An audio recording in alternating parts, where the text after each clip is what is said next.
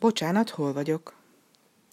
Végre élhetem világomat, gondolta Pikpok, amikor fejest ugrott a kék tó csodálatosan hűs habjaiba. Körülnézett. A víz áttetsző volt, a tó fenekén néhány jókora halat pillantott meg, vidáman csapkodtak a farkincájukkal. Biztosan örülnek, fűzte tovább gondolatait, hogy egy igazi pingvin eszi meg őket. De nem töprengett sokat, elindult halászni. De jó is az, ha az ember hasában a farkincájával csapkodó halacska van, és nem valami döglött hering vagy olajos protni. Miután jól lakott, kiúszott, és egészségügyi sétát tett a parton.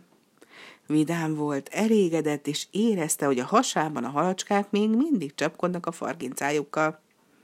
Csodálatos érzés! Megveregette kövér hasikóját, és az erdő szélére indult a fülemülék koncertjét hallgatni. Milyen gyönyörű az élet, gondolta homokon fekve.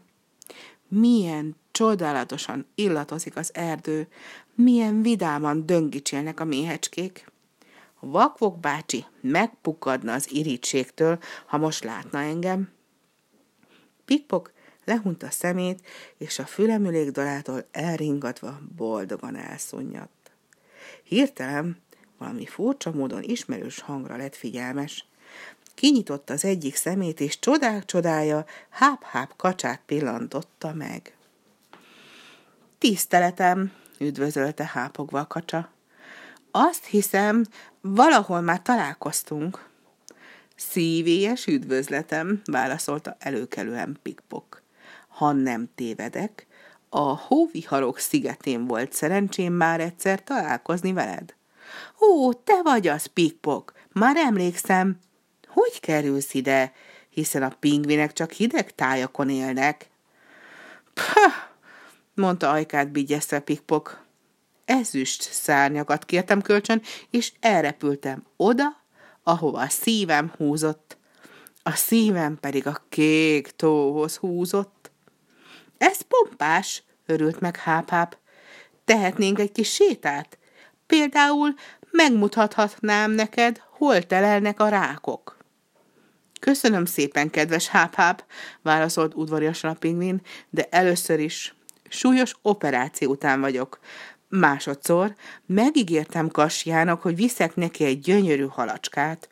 Jó, hogy eszembe jutattad, mert Kasja már biztosan nyugtalankodik, viszont látásra háp-háp, és üdvözletemet küldöm a férjednek, Bubbled kacsának. Így szólva Pikpok fejest ugrott. Úgy élvezte a jó hűs vizet, hogy esze ágában se volt egy hamar kijönni. Kasia várhat még egy pillanatig, hiszen tudja jól, hogy milyen kellemes nekem így úszkálni a hullámok hátán, fős le. Kedvére úszkált, míg mi ez? Pikpok csak néz, és nem akar hinni a saját szemének. A tó fenekén egy furcsa háló húzódik végig, és ez a háló tel is teli a legnagyszerűbb halakkal. Pikpok elégedetten csettintett. Ez lesz aztán az uzsonna. Egy pillanat múlva mégis ezt gondolta. Pikpok, hiszen nem régen ettél meg tíz kövér pontyot. Ne légy olyan falánk.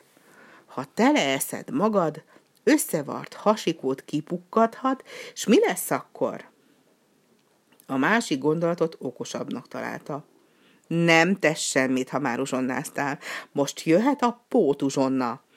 Ki tudja, mikor adódik ismét ilyen kedvező alkalom, és mikor engedhetsz meg magadnak ismét farkukkal csapkodó halacskákat. Ahogy ezt végig gondolta, nyomban a háló felé indult, a hálóban pedig csak úgy hemzsegtek az ezüstös sügérek, piros szárnyú keszegek, az aranyló kelék, a karcsú törpeharcsák és a kövér pontyok. Pikpoknak kicsordult a nyála szája szénén, és melegséget érzett a hasikójában. Megkerülte a hálót, talált egy szabad bejáratot, és jó étvágyal hozzáfogott a pótuzsonnához. Hirtelen megrázkodott. Mi ez? A háló vele és a halakkal együtt felemelkedik a levegőbe, ő meg nem találja a kiáratot.